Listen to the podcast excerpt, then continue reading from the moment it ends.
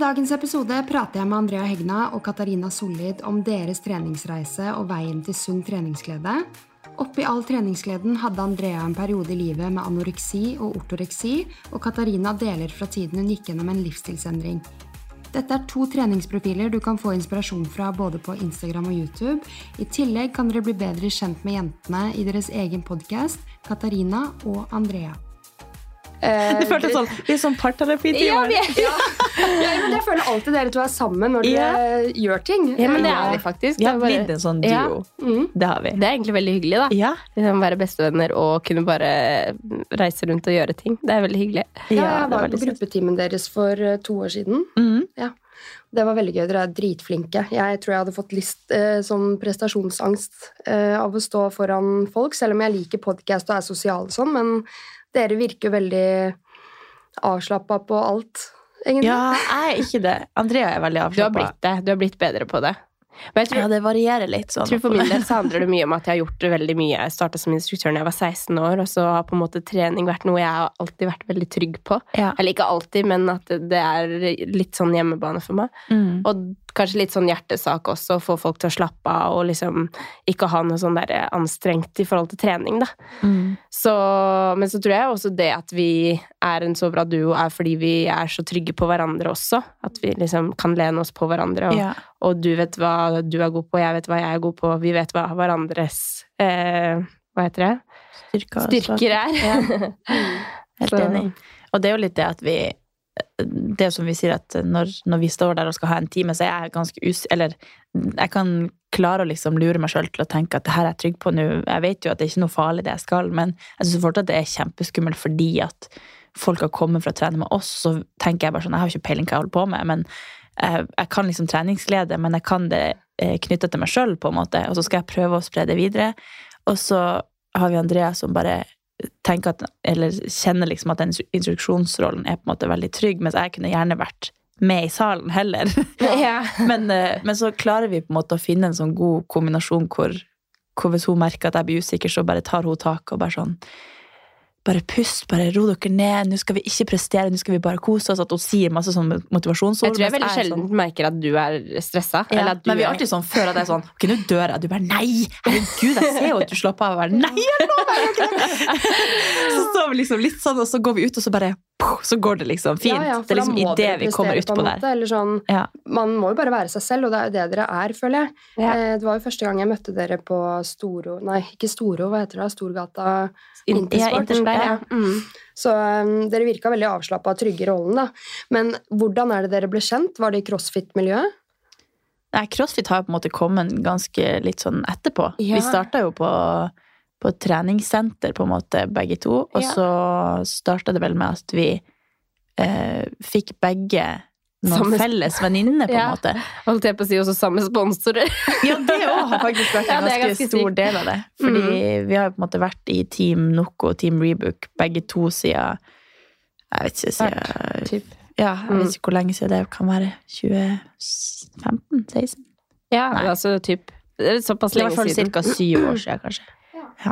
Men så vi starta vel egentlig med å møte hverandre gjennom felles bekjente. At vi på en måte Vi hadde innenfor Kanskje Solveig mest sentralt, da. At Mm. jeg begge husker at jeg også fulgte Andrea i den tida når vi liksom ikke kjente hverandre. Ja. Sånn superblond babe med stor rumpe. Og tok bilde med, med GoPro. Veldig tan. Ja, veldig tan. Og knallhvitt hår. Uff Ja, meg. og så tok hun masse bilder med GoPro som var så kreativt og kult. Jeg husker liksom at jeg var sånn «Å, jeg har så lyst til å være sånn, ta sånne bilder. Og, Ja. husker, altså jeg har sånn, I min lagra på Instagram så er det sikkert 100 bilder av Andrea fra liksom way back. Ja. Som var sånn åh, sånn vil jeg være! Sånn vil jeg være! For jeg syntes hun var så kul og chill. for deg, da, ja, faktisk. Ja. Mm. Jeg syns hun bare var så kul, liksom. Jeg var sånn usikker for sånn eh, Skrev sånne kleine quotes, og du var sånn mm.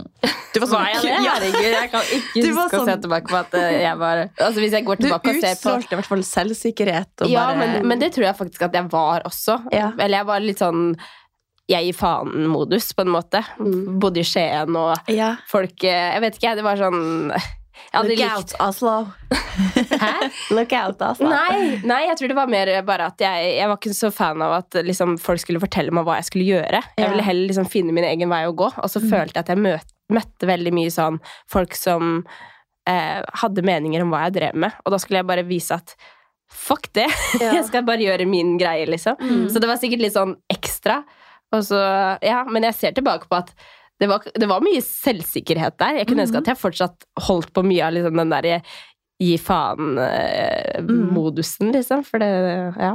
Ja, så det, det gjorde noe med meg. Så Du kommer nå langt med, man kommer langt med det. Å være selvsikker og bare tro på seg sjøl og ikke bry seg om hva andre gjør. Det er jo sånn man på en måte begrenser med å 100%. tenke på hva andre gjør. Så, Ja, ja.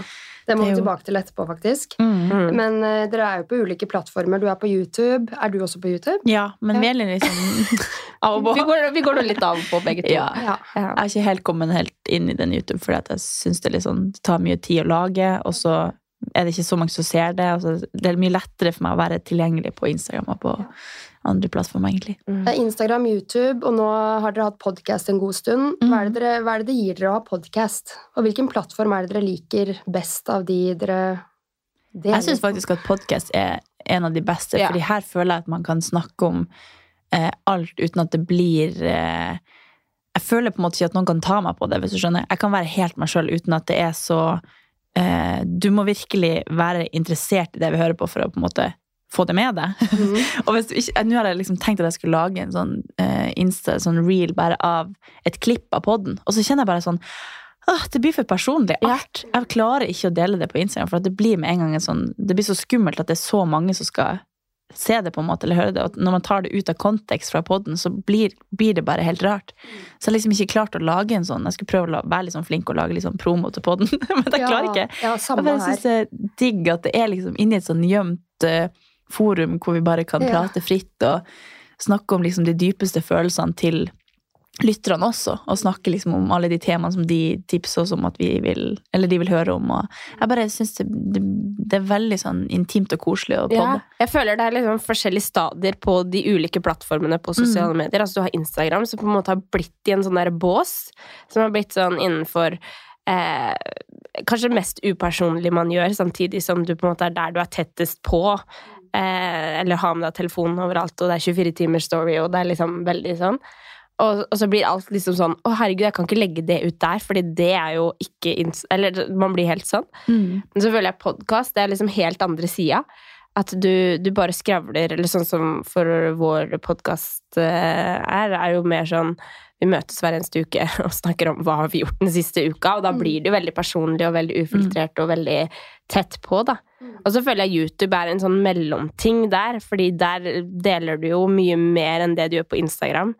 Eh, samtidig som det også blir jo veldig eh, Det blir jo klippa, og det blir jo ikke Du, ikke, du kan jo ikke gå rundt og filme deg sjæl hele tida, på en måte, Mm. eller filme det du gjør hele tiden, men at du velger liksom litt her, her, litt der, eksempel, da. så snakker vi jo i podden om liksom Sist vi krangla med kjæresten, eller eh, liksom, Ja. hvilke følelser som har vært liksom, blussa opp, eller hva som eh, At vi har vært i begravelse, eller ja. alle sånne der ting. Og det er jo sånn som vi aldri deler på Instagram. Ja, alle de her personlige tingene som, som er veldig unaturlig for meg i hvert fall å dele der. Der er liksom trening og, og litt sånn hverdagslige ting. Men, men i podden så kan du på en måte forklare alle følelsene, for det får du på en måte ikke inn i en, en sånn Post. liten post. da.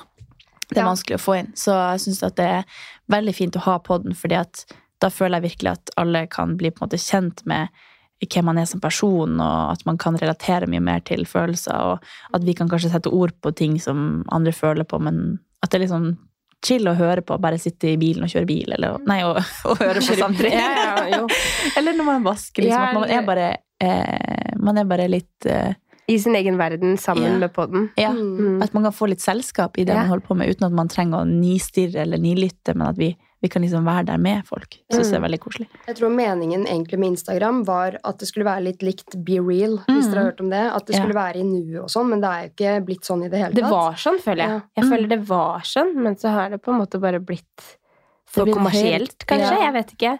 Høyere terskel for Ja. å dele Man bruker lang tid på redigering, eller jeg bare noen år tilbake så brukte jeg Jeg kunne bruke timevis på å sitte og redigere et bilde, og jeg bare kjenner sånn Ja, ja, jeg legger på filter fortsatt og sånn, men det å redigere så jæskla mye, Mm. Ja. det er jo ikke ekte. Nei. Og det er det som gjør meg litt sånn frustrert over eh, Instagram, at jeg tar meg selv i at jeg syns ikke det er interess eh, interessant å sitte og bla lenger. Mm. Jeg, Nei, jeg er helt enig. Ja. Helt enig. jeg kan legge ut mine ting, men jeg får med meg lite av hva andre gjør, Mm. med mindre det kommer opp øverst på feed, da. Men Mm. eh, Jeg syns bare det podkast er mye mer personlig, og Ja. da møter man folk fysisk og ja. ja. Jeg synes det er Der er i hvert fall du god. Ja. Vi- ja men, Vi møter bare hverandre. vi. ja, ja, men dere kan jo spille hverandre gode. Jeg er på en måte Ja. alene, men eh, får med gjester, da. Um, så dere er i hvert fall heldige som har hverandre på en dårlig dag. Sånn Mm. hvis dere har lite ideer og Det er ofte vi har det, og da er vi sånn Det går sikkert bra, vi har sikkert noe, og så bare plutselig så har vi prata i en og en halv time. Og folk syns jo det er interessant. Dere har jo lyttere. Ja, det er Så- veldig hyggelig. Og Altså, det er hyggelig å kunne bare sitte og snakke skit, og så blir det liksom noe som folk skal høre på. Det, Ja. Av og til så får jeg sånn shit når folk sier at de har hørt på podden hvis de kommer innom kontoret på jobb, eller noe, så får jeg bare sånn å herregud, har du hørt at jeg sa at jeg ser på porno? Og at jeg, Ja. Nå vet du alt om meg. Jeg skjønner, Du vet jeg ingenting om deg, men du vet alt om meg Men- hvis du har hørt på podden. Men det føler jeg også vi merker også hvis vi er på ulike ting, da, sånn som f.eks. holde treningsøkter, eller hvis vi er på festival, eller hvis vi er og Ja. møter våre følgere, så er det alltid podden som de relaterer til. Da. Ja. Og det er veldig hyggelig, for da, da føler jeg det er sånn true followers som hører Altså, vi snakker så mye skit, yeah. og vi snakker om oss selv og bare bretter ut, ikke sant? Altså, altså en time hver en, hvert fall, altså for vår del. Vi spiller alltid inn så å si en time hver yeah. eneste uke, da. Så er det sånn, hvis du hører på oss en time hver eneste Jeg kan jo tenke på de podkastene jeg hører på. Det er sånn, jeg vet jo hva de Man og de mener om det. Og altså, man Mm. veit jo hva folk eh, tenker og ikke tenker, på en måte. Det er bra du er på med podd igjen. Ja. Ja, jeg, jeg gleder meg skikkelig. Jeg har masse innspillinger fremover. Og Ja. jeg bare er skikkelig motivert nå. og Det er nok fordi jeg også vet at jeg har tiden til det. Har Mm. gått ned i 60% som jeg sa til dere sist. Og eh, det hørte jeg du også hadde. Ja. ja. stemmer det. Er det, hva er grunnen? Du er ikke dårlig, men det er fordi du vil ha mer tid? Ja, eller egentlig så Der hvor jeg jobber nå hos Hagløf, så var jeg innleid som konsulent. Eller jeg er fortsatt innleid som konsulent, men det var egentlig et vikariat typ ut året. Men så sa du sånn Ja, ja, det blir jo forlengelser og sånn og sånn og sånn. Og så eh, bare for at jeg skulle fortsette Eller når jeg fikk tilbud om videre fortsettelse, da, så sa de ja, vi, vi, kan, vi får deg inn, liksom. Vi, kan, vi vil veldig gjerne fortsette å ha det. Eh, men da blir det eventuelt 60% og jeg la egentlig opp til det, så jeg sa sånn ja, altså, jeg vil heller være her og jobbe 60 enn å ikke være For jeg tenkte sånn, ok, fra jul så er jeg mest sannsynlig litt mer gravid, og hadde vært deilig med litt mer frihet. Og jeg har kjent også på Før jeg starta der, så var jeg egentlig 100% selvstendig næringsdrivende. Så det er liksom sånn å ha en kombinasjon, men så merka jeg med 80% så følte jeg egentlig ikke at jeg fikk kombinert noe særlig, for det var den fredagen, og så ja, fikk liksom ikke kommet ordentlig inn i det, da. Så at jeg kunne kombinere det enda mer, da. Så det er jo bare en drøm at jeg kan det. Men, mm. men ja, så det er egentlig det at eh, de For at de skulle kunne beholde meg, så måtte de gå ned litt i prosent, og så ble det egentlig bare bonus for Men alle. de to andre dagene i uka da, er det eh, Jobber du for deg selv da, eller Ja. er det fridager? Da jobber jeg for meg selv. Altså, det, hva skal man si? Hva er, det, hva er det jeg driver med, egentlig? Altså, det er jo bare å lolle rundt, på en måte. Men, eh, men det er jo å, å kunne gjøre det som jeg føler at jeg har lyst til å gjøre, da, egentlig. Så om det er eh, å vlogge, eller om det er å spille inn podkast, eller om det er å bare ta det chill en dag, eller Altså, ja. Jeg gjør det som faller meg inn, da. Og det har egentlig vært litt sånn mål for 2023 også, at jeg skal ikke gå rundt og føle at jeg må gjøre så mye greier. Jeg må egentlig føle at jeg liksom Nå gjør jeg noe som gir meg noe, og så, og så er, er det en gave at jeg kan gjøre det, på en måte. Ja, fy søren. Jeg hørte jo en podcast-episode at dere snakket om at eh, 2022 hadde vært et år hvor dere ikke var helt eh, trygge dere selv. Mm. Eh, men jeg følte ikke at dere gikk så dypt inn i det. Kan dere dele litt mer fra Hva mente dere med det? Ja. Skal du starte?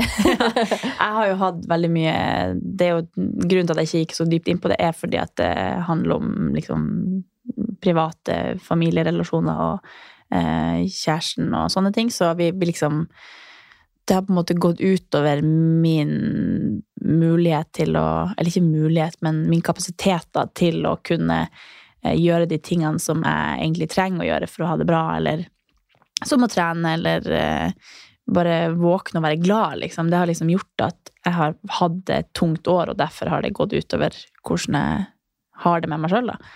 Eh, og når det går utover eh, trening og søvn og liksom relasjoner til venner, liksom, at jeg ikke føler at jeg har kapasitet til å være sosial eller si ja til ting, så mister jeg på en måte mye av hele liksom den jeg føler at jeg er, da, og ønsker å være. Og derfor har det på en måte blitt til at jeg bare det, det året der kunne vi bare hoppe over. Yeah. men, eh, men det er jo ikke til å unngå, da. Det er jo sånn er nå livet. Og jeg er veldig glad for at alt som har skjedd, har skjedd på en måte, fordi at det har hjulpet meg videre i relasjoner jeg er i, og har styrka de på mange måter, selv om ting har vært vanskelig, da. Så, så det har vært en veldig tøff periode, men også gjort at jeg har kommet mye eh, lengre i relasjoner, da. Og jeg kan liksom ikke gå inn på hva, hva det har vært heller, men det, det er jo sånn som alle går gjennom. Og det Men det er liksom Når man er i det, så virker alt veldig tungt, og jeg har vært syk og sånn opp attpåtil. Så jeg har liksom De gangene jeg egentlig har kunnet trent eller hadde, hatt energi til det, så har jeg på en måte vært sjuk i tillegg. Så da har det bare Jeg tror kanskje det å ha det dårlig, eller liksom være lei seg eller ha det vanskelig, eller sånn, og bruke mye eh, kapasitet på det, kanskje går utover eh, immunforsvar og sånn. Jeg vet ikke om det har noen kombinasjon, men det har i hvert fall. Mm. vært et helt merkelig år hvor alt bare Men eh, nå føles det Når jeg endelig kommer inn i trening, og Ja. allting føles mye lysere. Ja, og når man står i det, så virker det noen ganger som at det, det er ikke lys i tunnelen. Mm. Det, det er så mørkt, og man kjenner liksom Å ja, en, nok en uke med samme følelser, eller Men når Mm. man kommer ut av det, det er jo da man skjønner at dette har bidratt til læring eller nye refleksjoner. Man har faktisk blitt sterkere, selv om det er heftig klisjé å si, da. Mm. Men bare det å ha det vanskelig gjør liksom at man blir tvunget til å snakke med folk. Eller sånn når man går bare og har det fint, og hverdagen går og suser forbi, og tida går kjempefort, så rekker man liksom aldri å sette seg ned og snakke hvordan man egentlig har det, eller Men nå har vi på en måte Jeg føler i alle relasjoner jeg har, så har jeg liksom virkelig snakka om ting, selv om det ikke bare er kjipe ting, men det er liksom at man setter seg ned og bare sånn Hvordan har du det egentlig? Og at man virkelig eh, sier da at nei, det går ikke så bra, dette har skjedd. I stedet for Mm. bare sånn Ja, Ja, det går bra. fint. Ja. Det er sånn nå når, jeg, når folk spør meg hvordan jula har vært, for eksempel, så blir det sånn Nei, det var ikke så Og så blir det sånn Å, faen, jeg håper ikke det var det du skulle si! For man forventer ikke at man skal være helt ærlig på hvordan det egentlig har vært. Så Nei. bruker bare å si sånn Ikke at du skal spørre hvordan det gikk, eller noe. Nei, liksom hva som har skjedd, eller jeg bare Det var ikke så bra. Så Nei. hvis du også ikke hadde det så bra, så er du ikke alene, i hvert fall. Eller Nei, og det tenker jeg bare er fint, at man ja, er åpen Men man merker at folk blir sånn Å ja, Ja. ikke si det! da!» ja. Da må jeg sette meg sånn skjold med en gang. Bare sånn, skal du si noe, liksom, snakke om følelser her? Ja. Det var jeg ikke klar over. Nei, jeg Så- hørte jo også at dere snakket om jula og forventninger og sånn, og det Mm. har jo forandra seg jo eldre vi blir. Ja. Det er jo litt sånn sorg at Ja. ikke ting er sånn som det var. Mm. Ehm, man merker plutselig at man har blitt eldre, og jeg vet ikke hva det er som gjør at julen eksempel eh, ikke har de samme følelsene som bare i 2012, da, for eksempel. Mm. Eh, har dere noen tanker om hva er det som gjør at vi er det, Har Jeg hørte faktisk på en pod nå. Jeg, kan finne, jeg skrev et notat om det, for jeg tenkte vi skulle snakke om det i, i poden. ja. Men da eh, var det en, happen, eller en podkast som heter How to Fail. Og så handla den om en fyr som forsker på happiness. da. Og da sa han at vi feiler i å realisere at vi kan være glad for hva vi har, i stedet for å ville ha hva vi ikke har. Nei, altså, det var mye lettere å si det på engelsk. Men at vi, eh, at vi har en forventning om noe vi burde ha, på en måte, og så har vi ikke det. Og derfor føles det som en failure, i stedet for å være glad for det man har. på en måte. Så det at vi eh, sitter der i jula og tenker liksom, og det skal bli sånn og sånn, og sånn, og så møtes ikke det, og da tenker man at dette er en failure, men så har man det jo egentlig kjempekoselig. Ja. Alle de tingene man har, er jo bare helt Og jeg tror det ikke Den- nødvendigvis egentlig bare handler om jula, men livet generelt. Ja, ja. Bare at man har en sånn hele forventning og. Tror liksom at eh, Å, når sammen vi kommer hjem, så skal vi kose oss, og jeg er så forelska, og så kommer han hjem, og så går han og legger seg, og så bare Ja, ok. Eller sånn. Ja. Bare sånne småfølelser Mm. hele dagen. Så har man det jo egentlig kjempehyggelig, og man er yeah. så takknemlig for at man har en partner, bare. Eller at man har noen som elsker seg, og så bare går man og har en sånn forventning, eller tenker liksom at det skal være så, så mye mer, når man bare kan være glad for det man liksom har, og heller dyrke det, da, i stedet for å ha ei forventning om at uh, den personen skal skjønne hvordan du trenger det, eller ja. Vi snakker så mye om lykkefølelsen, men jeg Ja. hørte en klok mann sa i en annen podcast da, at eh, det handler egentlig om å være tilfreds Ja. istedenfor eh, lykke. fordi å være tilfreds er jo en mye diggere følelse, egentlig, for lykke kommer jo bare i shots. Mm. Ja. Man er jo ikke, går jo ikke og er lykkelig en hel dag, kanskje, eller innimellom, kanskje, men Ja. eh, den der tilfredsheten at livet er bra nå, det er humper og dumper, liksom, men jeg, jeg er fornøyd. Jeg, jeg har ikke noe å klage over. Men jeg har hørt at du er jo veldig juleperson, er du ikke det? Glad i jula. Juleperson. Veldig glad i jula. Ja. Jeg er det. Ble den bra i 2022? Nei, du, jeg, jeg kasta opp jeg natt til eh, julaften. Så jeg eh, var sjuk hele jula, egentlig. Så det var eh, Men det Ja, altså jeg, jeg føler bare at jula ble Den ble som den ble, liksom. Eh, men jeg merker jo også mye av det samme, egentlig, at Eh, mitt problem ofte er at jeg, jeg, gleder meg veldig, veldig. Jeg har følelsen ofte på utsiden av kroppen også. Liksom, altså jeg kan sprenge bare av tanken på at det er 1. desember, liksom. Det ble mm. helt sånn. Og veldig familiekjær. Elsker at hele familien er eh, samla, og, og, også det også er sånn veldig sånn knytepunkt for meg at ah, nå må alle være samla, hvor skal du? på en måte er veldig sånn, da. Ja. Så visste jeg det at i år så skulle broren min blant annet feire i Oslo, og så, eh, så jeg hadde jo nok sikkert også roa det litt ned. Um, men problemet mitt er egentlig at jeg gleder meg så veldig mye til ting at når jeg først er i situasjonene, så tenker jeg, gruer jeg meg til det er over. Ja. sånn kan jeg være. Mm. Så jeg har egentlig funnet ut at jeg må ikke glede Eller jeg, det er deilig følelse å glede seg til noe, men jeg må ikke liksom være helt loco, da. jeg må roe meg litt ned og så tenke at ta ting litt mer som det kommer. Og jeg har jo lært meg mer og mer det nå etter at jeg høres ut som jeg har et sinnssykt problem her. Men etter at jeg fikk barn, så har jeg også skjønt at ting er ikke det samme lenger. Altså Jula er kjempekoselig, for nå er jula på en måte for henne, da. Og, og jeg vil lage tradisjoner for hun og, gjøre alt for at hun skal få den samme følelsen rundt jul som det jeg har.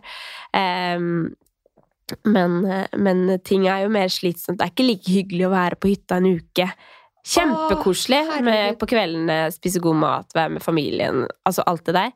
Men du står opp klokka fem-seks et, et, annet sted enn hjemme, som er noe helt annet, ikke sant. Så jeg har fått et veldig sånn annet forhold til liksom alt som jeg til vanlig syns at er sinnssykt koselig. Så er det ikke så koselig hvis du må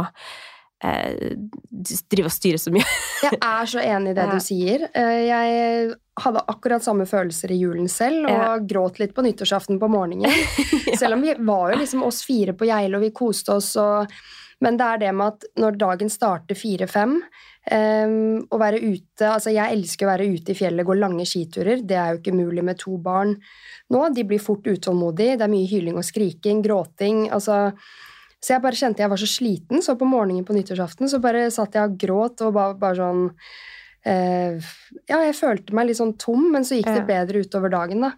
Eh, så ting er ikke det samme lenger, men eh, jeg merker at eh, eh, man glemmer fort de dårlige dagene eller dårlige situasjoner når ting er bra. Ja, ja, absolutt. Bare det at treåringen sto i bakken eh, første gang og bare ville ikke ha oss til å holde han. Det er sånn, Da blir jeg skikkelig glad, da koser jeg meg, og så glemmer jeg at dagen starta fire, og at det var et helvete på morgenen. Så ja, jeg skjønner det. Men eh, du også, hva er det det gjaldt for deg i 2022 med å Hvorfor følte ikke du at du var helt Altså, når jeg hører på hvordan dere på en måte snakker om det, så føler jeg at det var ikke egentlig eh, helt sånn at jeg jeg følte ikke at jeg gikk gjennom noe som var sånn sinnssykt vanskelig, eh, men jeg tror det var en sånn blanda situasjon om at vi har drevet og styra så mye med å flytte og kjøpe altså Vi har liksom ikke helt funnet ut av hva er det vi skal, da. Så 2021 2022 så har det vært liksom Egentlig jeg følte at jeg har vært en sånn kasteball, da. Sånn Oi, nå skal vi det! Nå skal vi bo Også bordsituasjoner er jo veldig store ting. altså sånn, Skal vi bo i Skien, skal vi bo i Oslo, nå har vi kjøpt en tomt, vi skal ikke bygge hus. altså Det er veldig store ting. da. Eh, og sammen med jobb også. Hva er det jeg egentlig skal? Skal jeg jobbe et sted? Skal jeg være selvstendig? Skal jeg eh, liksom finne litt ut av ting. Og så på toppen av det så var det liksom litt, litt sånn småting på privaten, altså sånn som vi også snakka om i vår podkast, at liksom forhold og liksom Ikke noe sånn eh, brutale greier, men bare var, kommunikasjon og sånn var litt vanskelig, da. Og da ble det liksom til at jeg følte at jeg gikk en sånn derre litt sånn dårlig eh, periode med meg selv, og da ble det litt, ble skikkelig usikker og veldig jeg vet ikke. Veldig sånn ah, fed up med meg selv, mm. egentlig. Så jeg tror det bare gikk mye i at det, basen min var ikke trygg, da. Jeg følte liksom at hjemme var det litt dårlig kommunikasjon. Vi hadde akkurat flytta til Oslo, og det var kjempebra, det. Men hva skal jeg videre? Jeg fikk meg jobb, stortrivdes i jobben, men fortsatt så var det liksom jeg måtte lande litt da, før jeg på en måte fant ut at ok, hvem, hvem er jeg, hva driver jeg med, er det her det jeg skal, eller ja plutselig gravid, dritdårlig, altså ikke overskudd til Amelia, og bare Ja. Følte liksom at jeg sånn, ja, litt refererte det dere sa om at liksom, man ser ikke noe ende i tunnelen. Det var liksom når jeg var gravid og dårlig, og at, så, at, jeg på en måte kunne skylde på det. fordi da, da var jeg sånn Herregud, åssen skal det her gå? Men, eh, men, så følte jeg bare at når 2023 kom, at jeg bare tenkte sånn Ok, nå vil jeg veldig gjerne ha det bra. Nå vil jeg at, eh, at jeg har Eh, det som jeg driver med, på plass. Altså at jeg vet hva som er mine verdier, hva jeg ønsker å drive på med. Altså Én ting er på en måte på jobb, hvem jeg vil jeg, hvem vil jeg være for mine kollegaer, hvem vil jeg være for venninnene mine, for familien min, og hvem må jeg være for meg selv for at jeg skal ha det bra, da. Så sånn skikkelig ransking av 2022. Snakka masse med kjæresten min om det, snakka masse med liksom venninner og alt sammen for å bare Ja finne ut av hva Nå må jeg bare ta meg selv sammen, da. Mm. Eh, og så sørge for at jeg selv har det bra, og at vi går riktig vei, da. Mm. Syns dere en ny start er digg? Altså 1. januar, er det en motiverende dato for dere, eller er dere sånn det har ingenting å si? Jo da, det har masse å si. det har masse å si. Absolutt. Ja. Jeg er veldig takknemlig for at vi har liksom mandag og 1. januar og 1. april og alle liksom første eller sånn. Det, det, føles som at ok, da kan man bare legge det bak seg. Det er en sånn mental greie at man ja. bare jeg, ja, jeg tror jeg har vært mer sånn i de siste åra. At det har vært mm. veldig digg med et nytt år. Tidligere så har jeg ikke tenkt noe Jeg har tenkt at jeg har vært veldig tilfreds med det jeg driver med, og fornøyd med hva jeg gjør, på en måte. Men mm. uh, jeg var ikke helt fornøyd med 2022 sånn alt i alt. Så da tenkte jeg nå, det må jo skje noe. Og da var det veldig digg med en ny start. da. Det er veldig rart. Fra en dag til en annen så skal du bare wow! Ja, ja, nå, nå, er vi på plass! Og så går jo det opp og ned. ikke sant? Man skal jo ha, Og det er jo på en måte veldig bra at 2022 var et utfordrende år. Jeg har skjønt det at det har egentlig vært det for veldig mange. Eh, for da har man jo det skal jo gå opp og ned. Det skal jo ikke bare pike, ikke sant. Man skal ikke, og sånn som du sier med lykkeshots, så at det skal jo være sånn uh, Altså, jeg kan referere bare til i går, som jeg bare føler at jeg skulle få mensen eller noe. Åpenbart ikke siden jeg er gravid, men bare full av hormoner, da. Ingenting som var gærent, men jeg bare hadde en skikkelig drittdag. Jeg hadde lyst til å begynne å grine, liksom, bare for å hva er, den, er jeg lei meg, eller er jeg sur, eller er jeg bare hormonell, eller hva er det? Altså bare så kom jeg meg på trening, da, og så bare whoop, mm. så var, helt, da var livet helt fantastisk. Ja, ikke sant. Det er jo veldig rart. Det er det som er så fascinerende med bare 24 timer, da. Hvor mm. mye det kan eh, svinge. Um, jeg er jo veldig høyt og lavt. Er dere sånn som er ofte stabile, eller kan dere bli veldig glad og veldig trist? Og, for jeg er veldig glad for at jeg har det store følelsesspekteret, mm. selv om det er dritslitsomt å være på den, de negative følelsene. Men det gjør at jeg også får de høye toppene med å glad, da. Ja. Eh, er det sånn for dere òg? Jeg tror at jeg er eh, veldig høyt og lavt, men også stabil, da. Eller ikke, jeg tror ikke jeg er veldig lavt, egentlig, men jeg kan være veldig høyt. Eller sånn som jeg sier, at jeg kan bare, tanken av 1. desember kan bare få meg til å skrike, eller at liksom Jeg kan bare hyle til Chommy at jeg elsker deg, liksom. Eller sånn at jeg kan, jeg kan være veldig brutal, da. Ehm, men så tror jeg alt i alt at jeg er veldig stabil også. Altså Hvis jeg er veldig lei meg, eller hvis jeg er veldig frustrert eller sinna, eller noe, så er det sjelden at det går utover noen andre. Eh, håper jeg, da. Tror jeg. eller, jeg vil si at du er ganske forutsigbar. Og ja. det er på en måte en sånn Eller på den måten at jeg er aldri redd for hva du skal føle hvis jeg sier noe feil, eller Nei. du er ganske du, du, Det preller liksom av deg. Det er aldri sånn at jeg har noe Ingenting har sånn veldig stor innvirkning på deg, annet enn at du kan bli veldig glad av det. på en måte, eller ja. Og ja. er sånn, du er en veldig trygg person sånn. ja, du... det er hyggelig. jeg føler jo kanskje at jeg er det også. Ja. At, og det er jo en trygghet i seg selv også. Jeg føler at liksom, ja, uansett hva en annen sier, da, så, mm. så, er det jo jeg som skal takle det. Eller jeg kan ikke gå i grøfta fordi noen syns at jeg er stygg på håret, på en måte. Eller mm. Det var et veldig stygt uh, eksempel, men, men ja. ja. men dere er veldig trygge personer, begge to. Mm. Eh, jeg snakka nylig med noen som sa det at Eh, det var en som hadde vært eh, innom på jobb, og så hadde vi snakka bare om det med, eh, med følelser, og snakka faktisk om dop, da.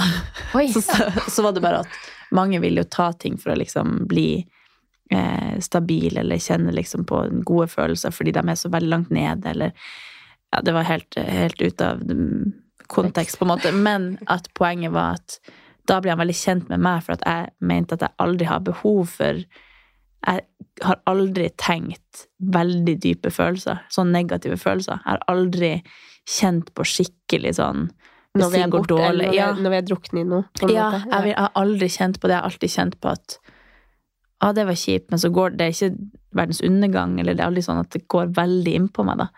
Og at han følte at av den lange samtalen vi hadde da om alt det her, så ble han veldig kjent med hvem jeg er som person. For han ble litt sånn Ja, du er faktisk bare tilfreds, på en måte, da. At du, du har det generelt ganske greit. Sånn som når det har vært et kjipt år, så er det bare sånn Det er kjipt til meg å være, men det er jo ikke sånn Det er jo ikke krise. Nei. Men det er jo bare at det er uvant for meg å ikke være glad hele tida, hvis du skjønner. Men hadde det, det kanskje jo- vært noen andre som hadde gått gjennom Det er jo mye på grunn av at du Ja. har den holdningen du har også, at Ja. det på en måte har gått så bra, da. Fordi hvis, Mm. man, hvis man har en litt sår syke, eller hvis, man, hvis, man har, hvis det er flere ting som holder seg på, eller Mm. Du er jo også veldig trygg i deg selv, og trygg i på en måte måten, måten du er på, måten du tar ting på, da. Mm. Jeg føler liksom at jeg står ganske sterkt i meg sjøl, at det på generell basis ganske glad. Og hvis ting er kjipt, så går jeg på en måte bare ned til en sånn «Åh». Men så er det ikke noe Ja. verre enn det, på en måte. Og det er en ganske fin egenskap, syns jeg, da, å, å ha. Eller jeg syns det er veldig Jeg er veldig glad for at jeg har det sånn, for det, det er hit at man skal ha det sånn. I er 2023 så er målet deres å gi litt mer faen. Det er det hvert år. Ja. Hvilke situasjoner tenker dere spesifikt på da? Eller sånn, har dere noen konkrete tanker om hva Ja, hvor eller hva vil dere gi mer faen i? Altså, jeg føler bare at det, er så mange eh, med Eller det er så mange Jeg føler vi, vi står i sånn der bås av og til. At det, man skal gjøre sånn. Og man skal, det er det, sånne ting blir jeg kvelt av. Så ref det jeg sa i stad. At sånn, hvis du skal gjøre sånn, eller du skal gå den veien, du skal ta den utdannelsen, du skal gjøre sånn, eller sånn, så blir jeg helt sånn Nei, for det funker ikke for meg. Jeg må nødt til å bare føle det litt. Jeg, jeg aner ikke hva jeg gjør om fem år. Jeg aner ikke hva jeg gjør Altså, litt forutsigbarhet er digg, men jeg liker også tanken på at ok, nei, men da er jeg uten jobb, eller sånn, nå jeg, hva, hva, hva, hva blir det neste? Mm, du blir nesten inspirert av å ikke vite, på en måte. Eh, ja, Og ta jeg, ting som det kommer. ja, og at jeg liksom Ja, jeg føler at eh, at eh, at det er, det er litt viktig, da. Jeg er helt enig.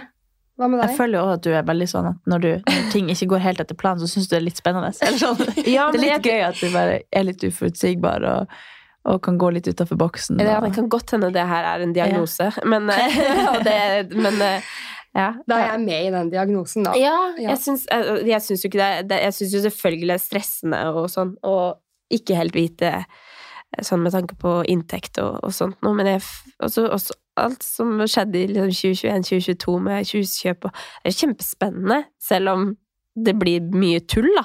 Så tenker jeg, er jo, da er vi ikke helt Vi gjør det ikke akkurat sånn som alle andre mener at vi skal gjøre det. Nå gjør vi det fordi vi har lyst til å gjøre det. Og jeg føler kanskje det er litt sånn at man eh, kan drukne litt i hva som er riktig og hva som er galt i hverdagen, da. Altså at man, man eh, Eller i hvert fall kanskje etter at jeg har fått barn, da, så er det veldig A4, ikke sant. Man står opp, man leverer barnehage, man lager matpakke, man gjør sånn og sånn, og sånn kommer man hjem, og så er det sånn og sånn og sånn. Jeg tror det er viktig for meg å bare Ja, men da leverer jeg i barnehagen, og så går jeg hjem, og så chiller jeg litt. Eller så, Mm. så gjør jeg ikke det som alle andre mener at jeg skal gjøre, eller Støtter den så sjukt. Ja. Jeg kan nok være ganske sånn Vi er ganske ulike på den måten å gi faen i hva andre mener, for jeg lever jo etter hva andre mener om meg. Eller jeg prøver jo å la være.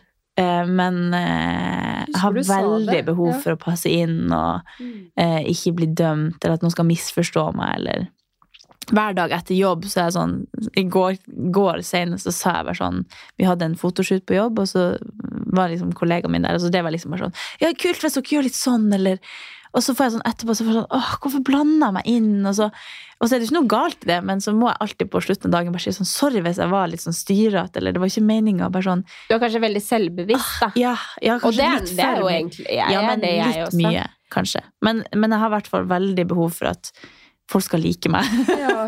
Og det, det er bare Jeg tror det er bare fra jeg var liten at jeg Sikkert det at jeg var litt stor da jeg var liten og ikke Jeg måtte liksom finne måter å passe inn på, bli likt og være kul, da, som ikke var Jeg var livredd for å bli mobba, eller Jeg var bare så redd for at folk skulle misforstå meg hvis jeg sa noe feil, eller alt har bare Det har det vært det viktigste for meg alltid, å være liksom likt i sosiale settinger. Da. Og det er sikkert derfor jeg er også nervøs når vi holder time, eller at jeg skal si noe feil, og så blir folk sånn Og jeg, jeg tror jo det er helt normalt, og jeg også er jo kjempe eh, eller selvkritisk og vil jo veldig gjerne at folk skal like meg og sånn, men så, Mm. så tror jeg kanskje jeg er litt mer i den innstillingen at hvis ikke, så er jeg jeg, Altså, jeg har alltid tenkt at hvis, hvis jeg ikke har gjort en person noe, hvis jeg bare er meg selv, og det ikke blir godtatt, så er det helt fine for meg, fordi det, gjør, det driter jeg i, på en måte.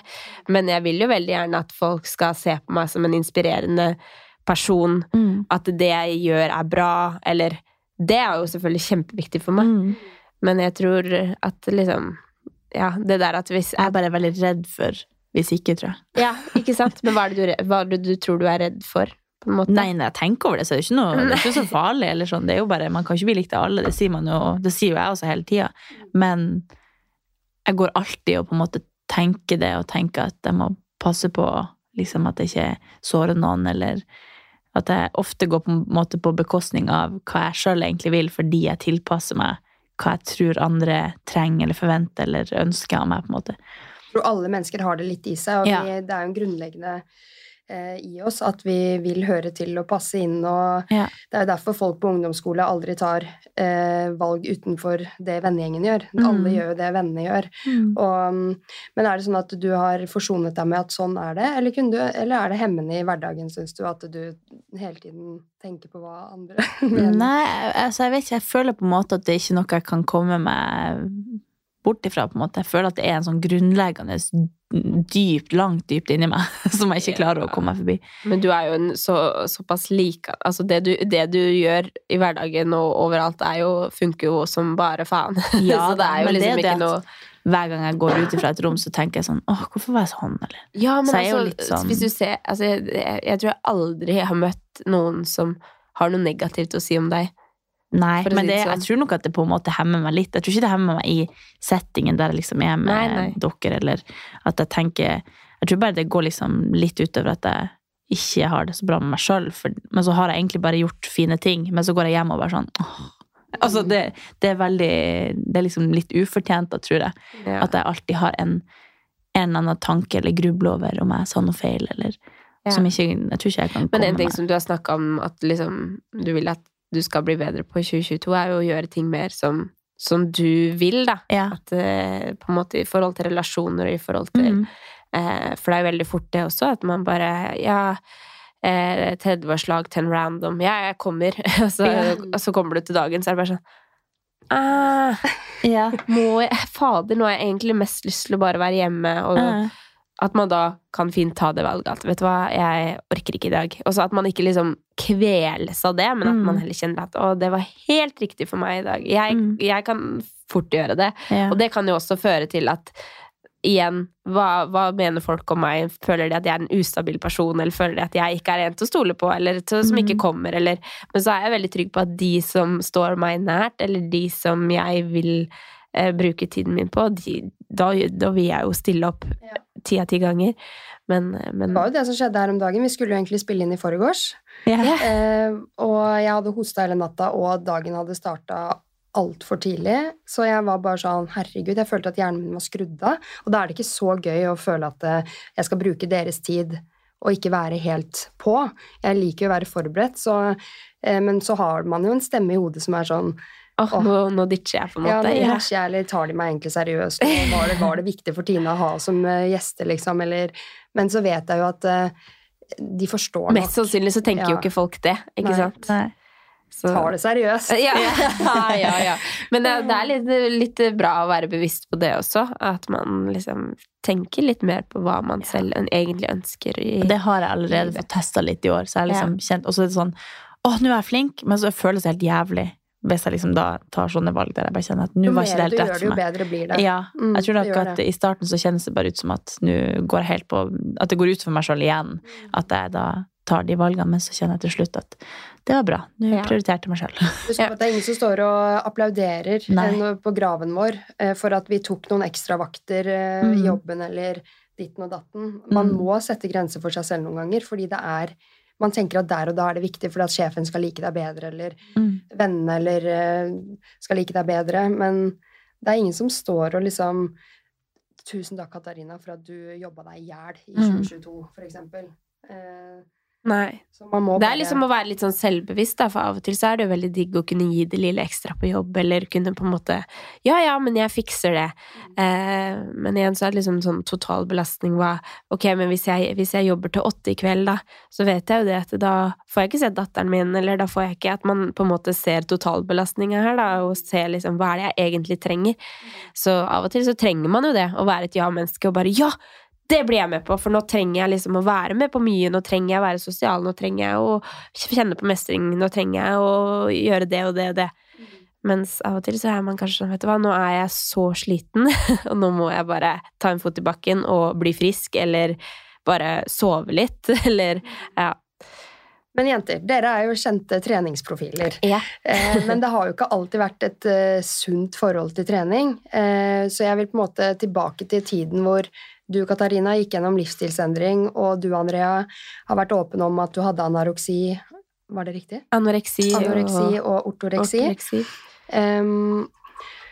Eh, hvilken tid snakker vi? Altså, hvilken alder eh, var det det på en måte skjedde noe for deg, eh, hvor du ville endre, og at du skjønte at du var syk, da? Ja, Det er du. Ja, jeg kan godt begynne, jeg. Um, for min del så var det Jeg tror det var Hvor gammel var jeg? Sånn 16-17, egentlig. Uh, og i, i bunn og grunn for meg så var det at mamma og pappa skilte seg. Så det var en sånn veldig traumatisk eh, greie for meg, som jeg også sa tidligere i episoden her, så er familie på en måte alt for meg. Det er sånn, Når jeg kommer hjem, så føler jeg at jeg kommer tilbake til røttene mine. Når jeg er med Jeg har jo tre brødre og, og foreldre som, som altså aldri vært sånn mye krangling hjemme, aldri vært eh, Det har vært liksom veldig fint og trygt, da. Vært min base, på en måte. Så når, de skulle gå fra hverandre, så ble det veldig vanskelig for meg å vite hvordan nå må jeg stå på egne bein Eller det ble veldig sånn Jeg tror ikke jeg helt visste hva som skjedde. At det bare ble en sånn flukt for meg, da. Så at liksom Jeg fikk gåsehud nå, fordi det der er sykt sårbar alder. Å Ja. være 16 år, og så går den trygge basen, den splittes på en måte. Ja, det var Jeg hørte jo dette ofte i jobben òg, men Ja. ja, fortsett. Ja, det, var, det var veldig sånn krise for meg. Eh, så det var vel egentlig sånn utløsende faktor. Og så i den perioden her så hadde jeg også funnet liksom trening, da. Jeg funnet gruppetimer og funnet at det var noe som ga meg noe, da. Jeg hadde også kjæreste på den tid, det tidspunktet her, så det var, det var veldig Ja, det var veldig mye greier som, som jeg bare følte at jeg måtte bare nå må jeg, nå må jeg stå på egne ben, nå må jeg finne ut av ting. Så det ble slutt med kjæresten. Altså, jeg tror Det var sikkert flere grunner til det, men jeg ble veldig sånn Nå er det min tur til å Eller nå må jeg bare klare å, å komme meg gjennom det her, da. For det var åpenbart veldig sårt for meg at de skulle skille lag. Eh, og fikk også vite det veldig mye lenge før brødrene mine, så jeg gikk jo rundt og bar på det veldig lenge før de også fikk vite det. Og da ble det veldig sånn Som en hemmelighet. ja, som en hemmelighet. Altså, men jeg husker nesten ingenting heller. Så det ble bare trening før jobb. Nei, trening før skolen, skolen, jobb. Kanskje trene igjen. Altså, det ble bare en sånn, for da slapp jeg å komme hjem, og så hadde jeg hele tiden en godfølelse, ikke sant. Jeg hadde hele tiden en følelse av at nå, nå er det jævlig bra, liksom, og spise bra mat. Det var jo mye, mye sånt nå også. Jeg merker det er litt vanskelig Eller sånn, ikke for min del, men jeg vil ikke si noe feil her. Men det ble i hvert fall et sånt evig kaos, da, med at eh, jeg egentlig hele tiden hadde det veldig fint. Fordi at jeg kontrollerte følelsene mine med ting som jeg visste at fikk meg til å føle meg bra. Jeg gjorde det bra på jobb, jeg hadde stappfulle gruppetimer, jeg liksom Ting var veldig bra, da. Så jeg føler jo hele tiden at liksom Shit, nå er livet jævlig bra, og rusa på endorfiner og Når innså du at eh, du var syk, da? det begynte egentlig med at eh, jeg fikk beskjed på jobb om at Eller mange sånn stikk her og der, da. Eh, inn, altså Før jeg hadde gruppetimer, så samla jeg inn lapper, og så fikk jeg beskjed om at du, nå har du nå er det blitt litt tynn, liksom. Og så var jeg sånn ah, liksom, Når random folk sier det, så ble jeg litt sånn ah, Ikke medlemmene mine, som jeg veldig gjerne vil være et for... Eller ikke forbilde, men være en god profil for. Da. Jeg vil jo være sunn og frisk, og Så ble jeg litt sånn stikk her og der. Altså, venninner sa jo noe, men det ble litt sånn Ja ja, slapp av. Eller sånn Jeg går gjennom noe som jeg visste var vanskelig, så jeg må bare få holde på med mitt, på en måte. Det ble veldig vanskelig at de, og sammen med liksom, familien min, prøvde jo også å si fra, men det ble veldig sånn Ja, ja, men dere kjenner meg jo. Eller liksom, jeg ble veldig, eh, veldig opptatt av at jeg måtte bare få gjort mitt, da. Eh, men så ble det også fra, til at jeg ikke kunne ha gruppetimer, fordi det så jo ikke bra ut, ikke sant. Altså en XXS 2XU, så sagga Mm. jeg i, ikke sant. Det er jo ikke bra i det hele tatt. Så det gikk jo veldig fort og veldig drastisk, dramatisk nedover. Eh, og så kom, husker jeg sommeren kom, og så møtte jeg egentlig veggen. Jeg ble, merka at jeg ble litt trist, og så hadde jeg ikke overskudd til å jobbe lenger, og da måtte jeg også være litt hjemme og så da kom jo tanken, ikke sant. Da rømte jeg jo ikke til, og så fikk jeg litt treningsforbud. Som, veldig, som var kanskje det verste jeg kunne få, fordi det var der jeg følte at jeg fikk kontroll på følelsene mine og fikk liksom ha det bra, da.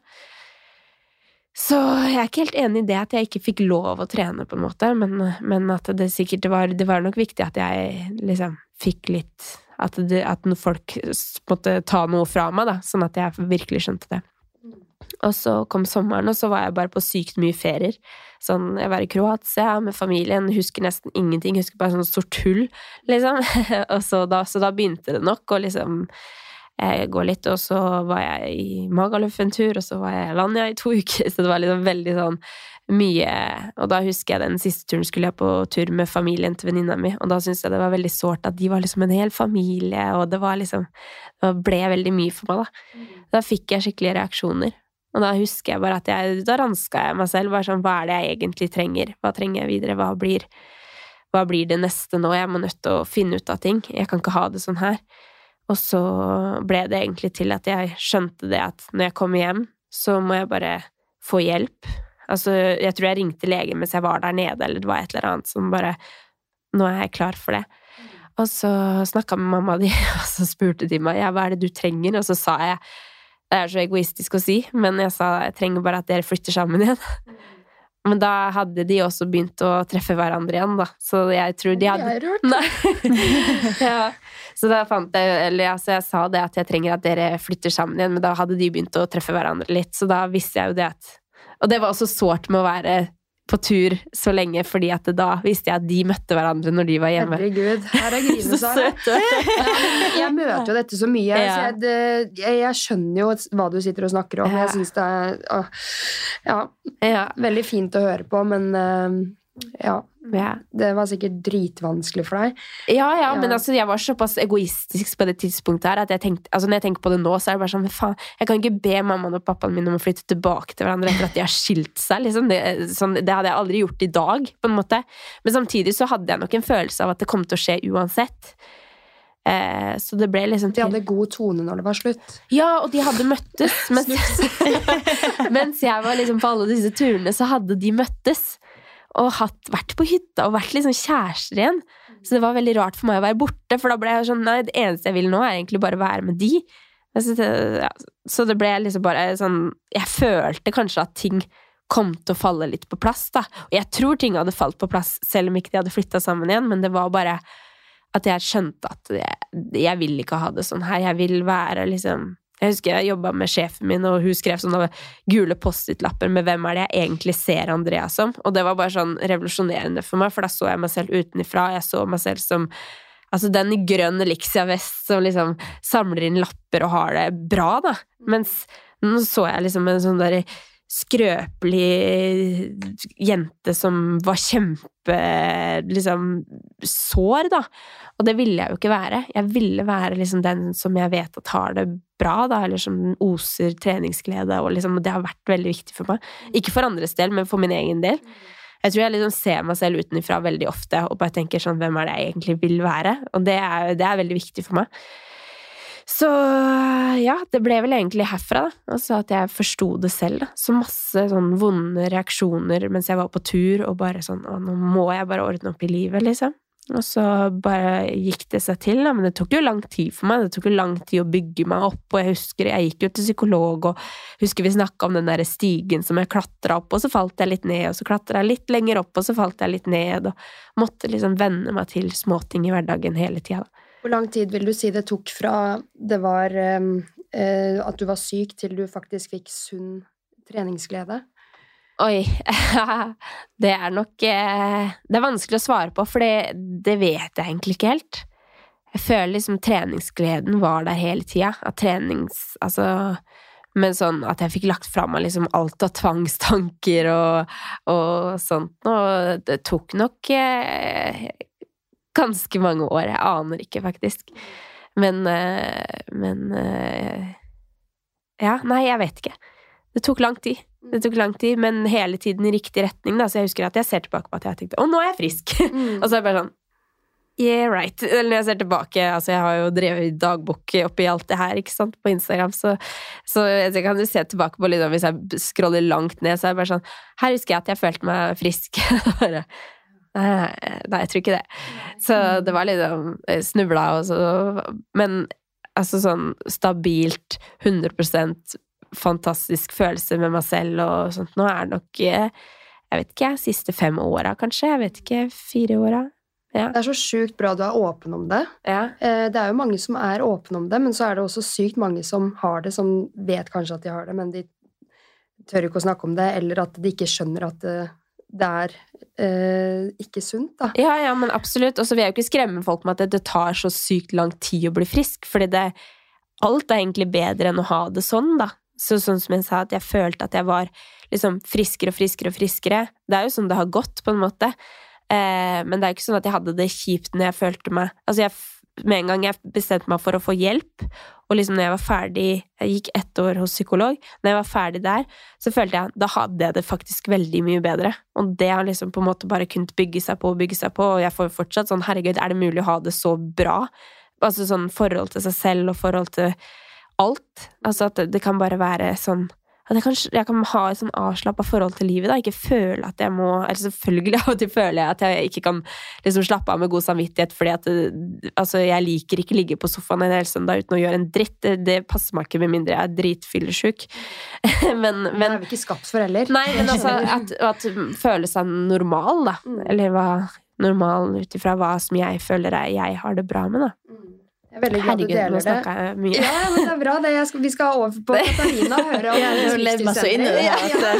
Og så vil jeg, etter din historie, så må vi jo høre liksom deres tips for, å, eh, for sunn treningsglede, da. Og eh, inspirere litt med hvordan dere mener det, man kan finne en treningsglede for de som ikke er så motiverte. Men Katarina, du var gjennom en livsstilsendring for også mange år siden. Eh, kan du ta oss med tilbake til når var dette? Når innså du hva skjedde? Eh, jeg tror nok at eh, Altså, jeg har alltid vært eh, aktiv og vært på Gått på fotball og dans og håndball og mange forskjellige idretter. Men kjent liksom alltid at det har vært flaut å være svett, for jeg har alltid tenkt at det var liksom et resultat av at jeg var tjukk. Eller sånn. Alltid da jeg var liten, så torde jeg ikke å svette, for jeg tenkte at det var kun jeg som gjorde det fordi at jeg var tjukk. Eller sånn. Og jeg tror bare, når jeg ser tilbake på når jeg var ganske liten, så var jeg jo egentlig ikke så stor. Det var egentlig bare Sammenligna med de andre, så var jeg på en måte litt større, da.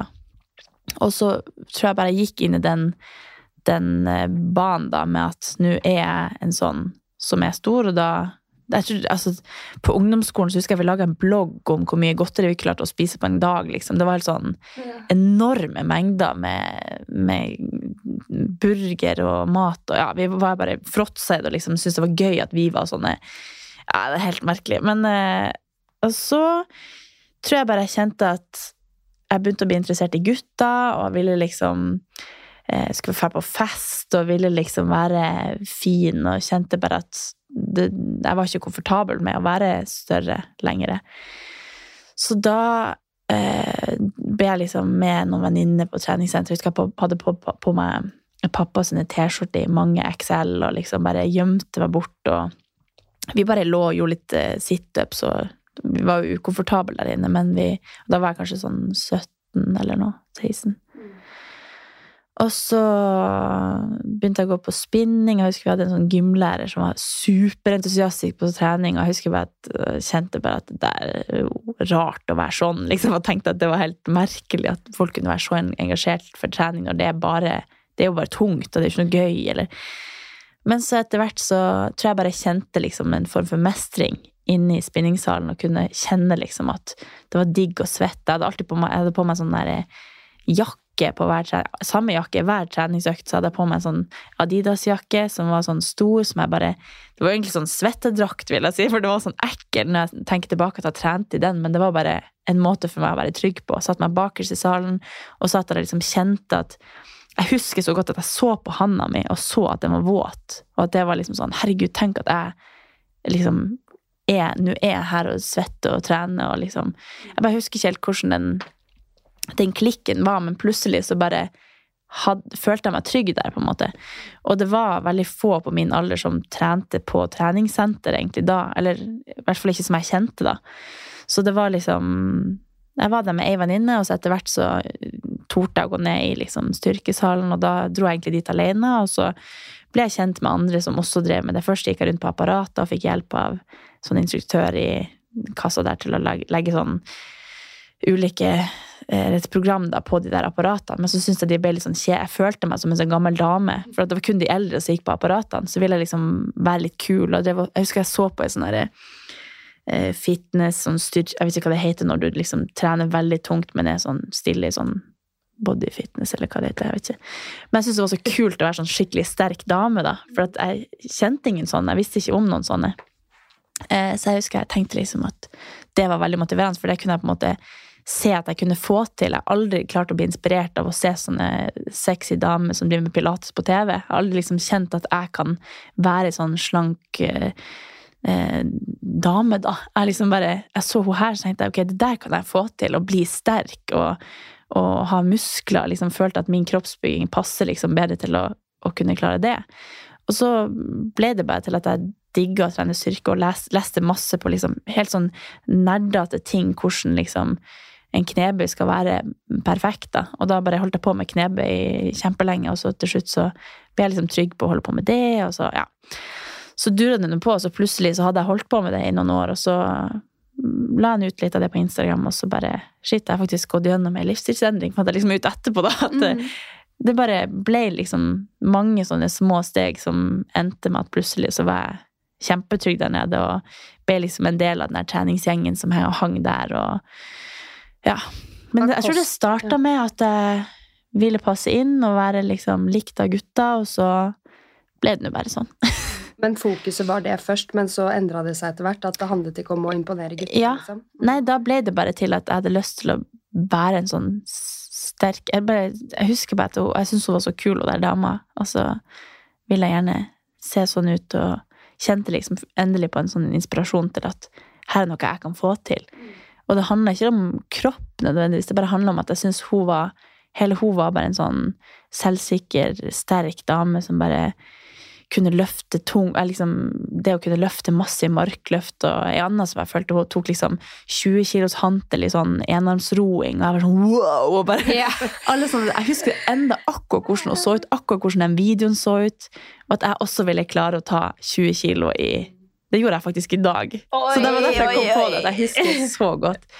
Og hun var liksom fra Finnmark en plass, og da var liksom, tenkte jeg nå skal jeg være hun der, liksom. Ja. Så jeg bare relatere deg til henne? ja, jeg kjente bare at når man Alle sånne der ting å være skikkelig sterk, det har jeg alltid liksom kjent sånn Shit, jeg har så lyst til å få til det. Var Så- kosthold en del av eh, livsstilsendringen? Ja, det var nok en stor del, uten at det, det kom på en måte mer naturlig med det. At idet jeg liksom fant en trygghet på trening, så ville jeg også spise sunt og bygge muskler, og tenkte at nå må jeg spise rett næring for å faktisk bygge muskler. Så um, jeg husker jo at eh, det var også hun der Det var ei sånn amerikansk dame som var sånn supersterk og greier. Jeg tror faktisk jeg vet sånn- hvem det er, fordi du sa Jeg har prøvd å finne ut Ashley Nei, hun med det mørke håret, ikke sant? Nei, det er ikke hun. Oh, nei, er ikke Jeg skjønner hvem du mener. Ja. Men hun også, for så vidt. Ikke Men det er- Susanne Svanevik? Nei, nei. Nei, hun er sånn umenneskelig.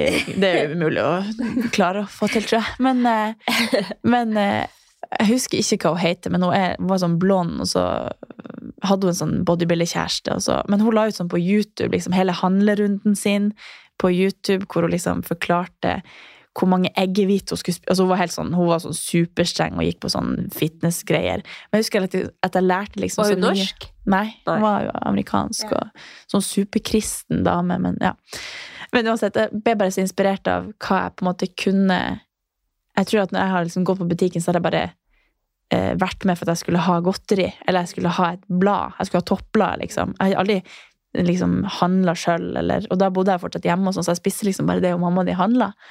Men da ble jeg sånn ok, nå skal jeg dra på butikken og liksom kjøpe ris og karbonadedeig og ketsjup og altså det var liksom, Jeg fant liksom ut at jeg kan spise ting som ikke har sukker i seg, eller liksom hvordan man kan Ja, det var bare mange sånne Jeg tror jeg bare kopierte hennes livsstil på et tidspunkt, og så funka det bare for meg også. Og jeg kjente at det var inspirerende. Så.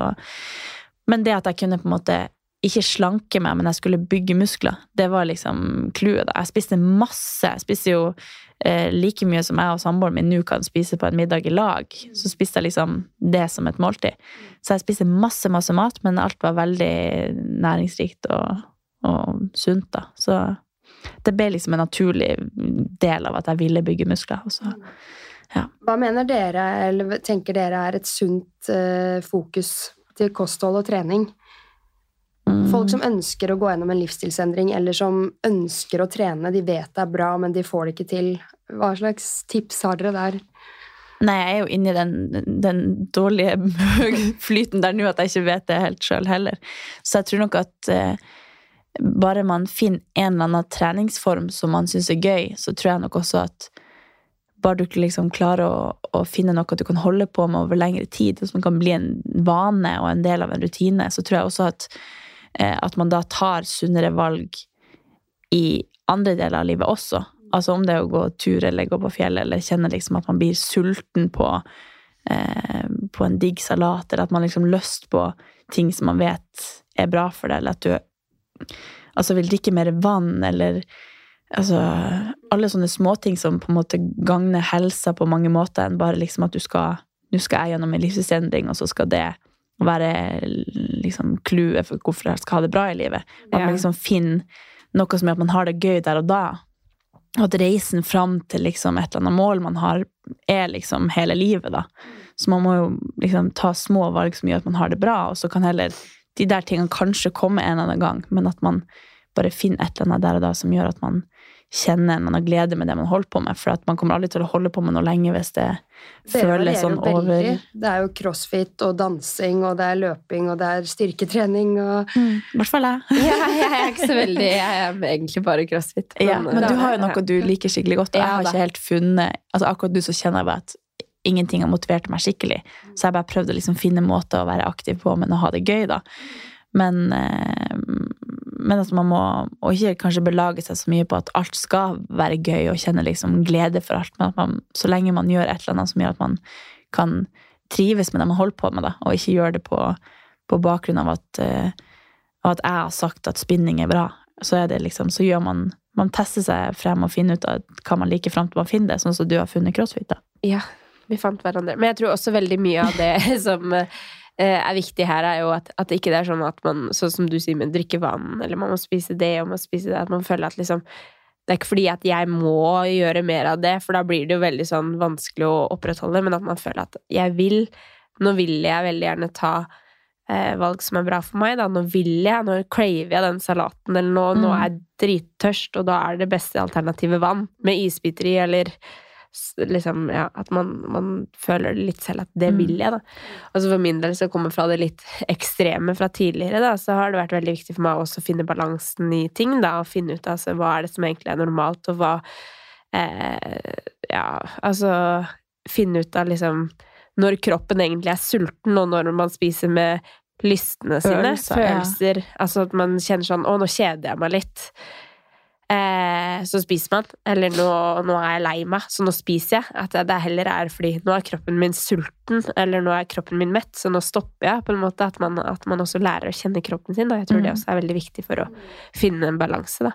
Ja, og så tror jeg også som en sånn start, hvis, hvis, man skal snakke til de her som kanskje ikke har kjent helt på den gleden enda med trening og sånn, at man i hvert fall at man ikke tenker at alt skal bare skje at man skal like det med en gang, eller kjenne liksom at nå gleder jeg meg til å trene, eller sånn at man At ett et bra valg kan liksom gjøre at du kanskje tar et par til den dagen, eller ikke. Men at man fall man må starte med å, å ta ett et valg, og så må man bare prøve seg litt frem. Og så er det ikke feiling hvis man ikke kjenner på noe glede, men man har i hvert fall gjort noe som man vet at det her har jeg skjønt er liksom bra for meg, da kan jeg starte der, og så funker ikke det, så prøv noe annet en annen dag. Det er ikke sånn at eh, Altså Sånn som min livsstiltrening tror jeg tok sikkert fire år. Altså Det tok eh, lang tid. Det var ikke sånn at jeg gikk inn for å få til det. og det, jo, altså det går opp og ned om jeg liker å trene eller ikke, men at man må bare, man må bare prøve seg litt fram og kjenne, og, og så vite at man som menneske også endrer seg hele tida. Så noe som funka i fjor, funker ikke i år, og at det ikke sikkert du gleder deg til det i år, men at ja. Nei. Og så trenger man egentlig ikke være enten-eller heller. Nei. Det må ikke være fordi at du skippa trening på mandag, så må du ikke skippe trening på onsdag, torsdag. Eller sånn. Du tenker, man må ikke gi opp fordi at man ikke får Eller at man bommer litt her eller der, da. At, øh, så og man må ikke være en ekstrem treningsprofil heller. Man kan være profil. Person. Eh, men man kan, man kan liksom være begge deler, da. Mm.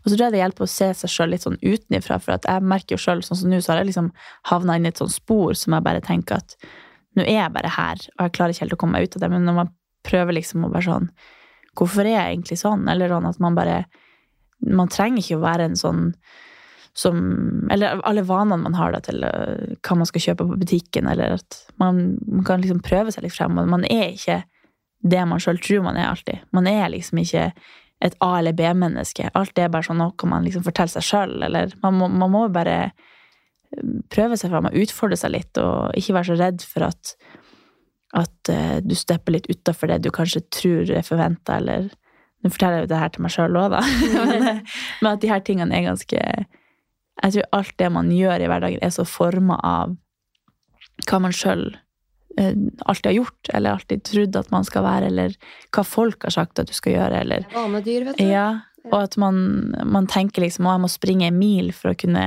ta en løpetur. Du kan også springe i fem minutter, og så er det dritbra.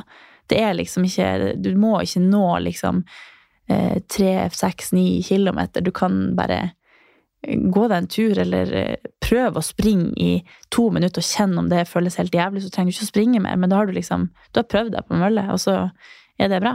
Og så bare ikke tenk liksom at alt eller ingenting, eller du skal være sånn og sånn, eller Men én bicepskølle ble det ingen. Ja, virkelig. Men dere, vi begynner å gå mot slutten, Ja. så jeg må stille de fire faste spørsmålene mine til slutt. Ja. Um, hvordan starter dere uken best mulig? Og jeg, jeg er veldig morgenperson. Jeg liker å ha god tid på morgenen. Og eh, liksom sette standarden for dagen. Eh, Så jeg liker veldig godt å bare eh, bruke i hvert fall mandag Jeg syns mandag er litt sånn kjipt. Eller sånn Jeg er ikke sånn veldig sånn 'Mandag!' Jeg er Nei. mer sånn Å, mandag. Ja. Da får vi se åssen det går, og så kommer man i gang med dagen, og så, og så er det bra, på en måte. Ja. Men eh, mandagen min best mulig er å ha god tid på morgenen og kunne liksom nyte små øyeblikk på morgenen. Når- I og med at jeg er blitt mamma, så liker jeg veldig godt å kunne liksom gå ut av døra. Amelia kan gå lite grann før jeg setter henne i vogna, og liksom kan stoppe litt på veien og se på fuglene, og at man, man kan ha god tid da, og gå til jobb og få liksom Og så ta dagen derfra. Til vanlig når jeg ikke er gravid, så vil jeg nok starte med trening, ja. Hva med kaffe, da? Nei, Nei? Liker ikke kaffe. Jeg er veldig kjedelig der. Men eh, jeg er veldig glad i noe. Ja, du, da? Ja, det er jo som regel altså Hvis jeg får trent, så blir jeg veldig fornøyd. Men eh, det har jo ikke vært så mye av det det siste året, da. Men eh, jeg kjenner jo at eh, nå når jeg kommer litt inn i det, så, så liker jeg best å, å få trent på morgenen, for da har jeg mest eh, overskudd og energi til, til det å ikke tenke på andre ting eller stresse med, med noe. Så hvis jeg klarer å komme meg opp, så er det det beste. Og ellers så kan egentlig dagen gå Jeg føler at jeg, jeg definerer liksom dagene mine litt ut ifra om jeg får trent om dagen, fordi at det er liksom det som gir meg skikkelig mestring, for det har vært så langt ifra på så lenge. Eh, og så er jo Ja, uka starter jo ofte med at vi podder, så det er jo det er som egentlig bare trening, og så jobb, og så podde, og så legge seg før man blir spist opp levende. Så ofte så er mandager og tirsdager veldig stress, eller sånn jeg har så mye jeg vil få inn på de dagene der, for jeg har alltid Det er noen gruppetimer der som alltid vil på, og, sånn, og så vet jeg ikke om jeg får tid. Eller. Ja. Men sånn på onsdag så føler jeg alltid at da er jeg litt Ja. sånn ovenpå. Ja, helt enig. Jeg skulle akkurat si liksom onsdag, torsdag, fredag. Ja. Da er det liksom sånn wow, Ja. Da er vi der, på en måte. Da begynner det å Mandag. nærme seg helgen. Ja. Ja. Jeg har ikke så høye forventninger til mandag, egentlig. Da er det bare sånn øh, Bare kom meg gjennom. Ja. Og så onsdag så er det alltid sånn Uh, Nå er vi der, på en Nå er vi der vi skal være. Ja. At uh, jeg føler liksom uka starter egentlig onsdag. Ja. Mandag og tirsdag er sånn de siste dagene før det begynner å gå oppover. Ja. Hvis du skjønner. De er alltid litt tunge. da. Tirsdag er faktisk eh, Ja, det er lang dag, jeg, Ja. føler jeg. Ja. Ja, det er litt, jeg syns det er nydelig å tenke liksom at så lenge, hvis jeg har det bra på en onsdag, da er jeg der jeg skal være. Ja. Men jeg har ikke så mange forventninger til mandag og tirsdag, egentlig, for da er det som regel bare styr og stress. Hvordan snur dere en dårlig dag om til en god dag? Jeg eh, eh, trener som oftest. Jeg syns det er digg. Eller at jeg liksom Ja. Altså, jeg kan jo ta meg selv i å være litt sånn at Å, i dag går det jækla trått i huet ditt, liksom. Og da kanskje jobbe litt med seg selv også. Hvis ikke jeg får trent, så tenker jeg heller at jeg må ta situasjonene til det bedre, da. At jeg ikke liksom går og tenker på fader, nå fikk jeg ikke trent, nå fikk jeg ikke trent, nå fikk jeg ikke trent, men at jeg heller tenker at lager jeg en god middag, eller tenne lys, og så Mm. ser man på film, og så prøver man bare å kose seg med det man har. Mm. Så ja, prøve å finne løsninger i det.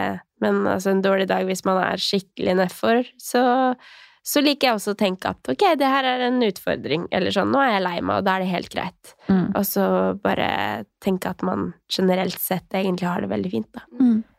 Jeg tenker også, hvis jeg, eller sånn, hvis jeg ikke må snu det, så prøver jeg som regel ikke å snu det, for det går som regel ikke. Og da bare blir jeg mer sliten av å prøve å snu det. At da bruker jeg bare å kapitulere og bare avlyse dagen, og så bare avlyse alt jeg skal, eller og så bare drar jeg hjem og så bare se på serie og prøve å tenke på andre ting, og så går det som regel litt over til dagen etterpå. Men hvis jeg må snu det, så bruker jeg egentlig bare å sette på et fake smil, og så går det greit. Men, eh, men med mindre, det, med mindre man ikke må, så prøver jeg å, å avslutte dagen, egentlig. Og bare, eller dra hjem, da, og bare være for meg sjøl, eller med nære venner eller kjæresten min, eller Og så ikke ha så noen forventninger til den dagen. Da bare ofte, da ofte Ja. kapitulerer jeg, og så kjøper jeg godteri og take away, og så Ja, men det er greit. iblant. Jeg tenker det er helt greit, det. Da skal jeg bare være komfortabel. Også. ja. Mye går ofte over av seg selv. Ja. ja. Ja. Jeg er ikke sånn som bruker å prøve å pushe. Ja Jeg føler at jeg er takknemlig for veldig mye. Mm.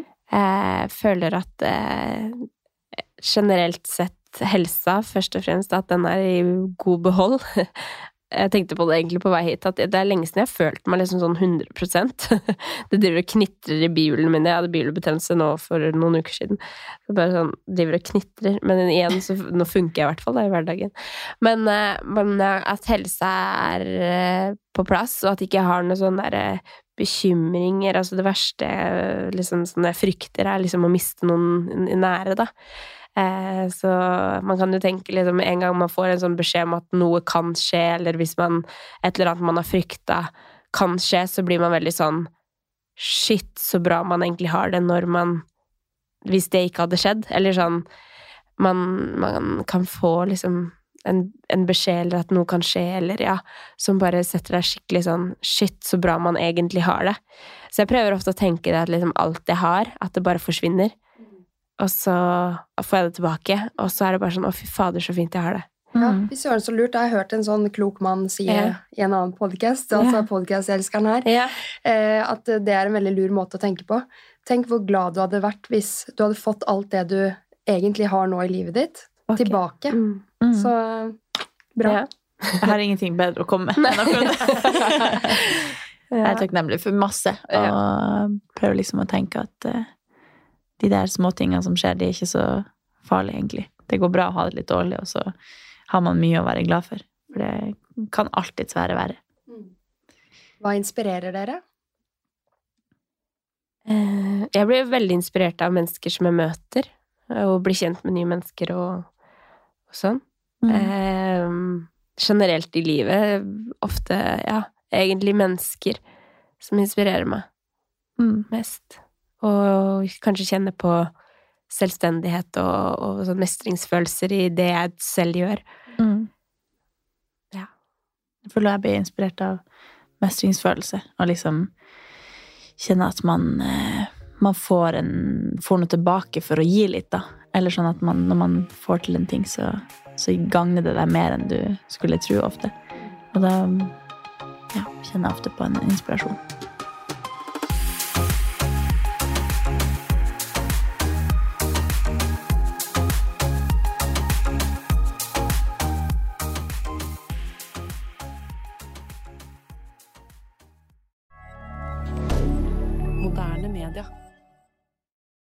Har du et enkeltpersonforetak eller en liten bedrift? Da er du sikkert lei av å høre meg snakke om hvor enkelt det er med kvitteringer og bilag i fiken, så vi eh, gir oss her, vi.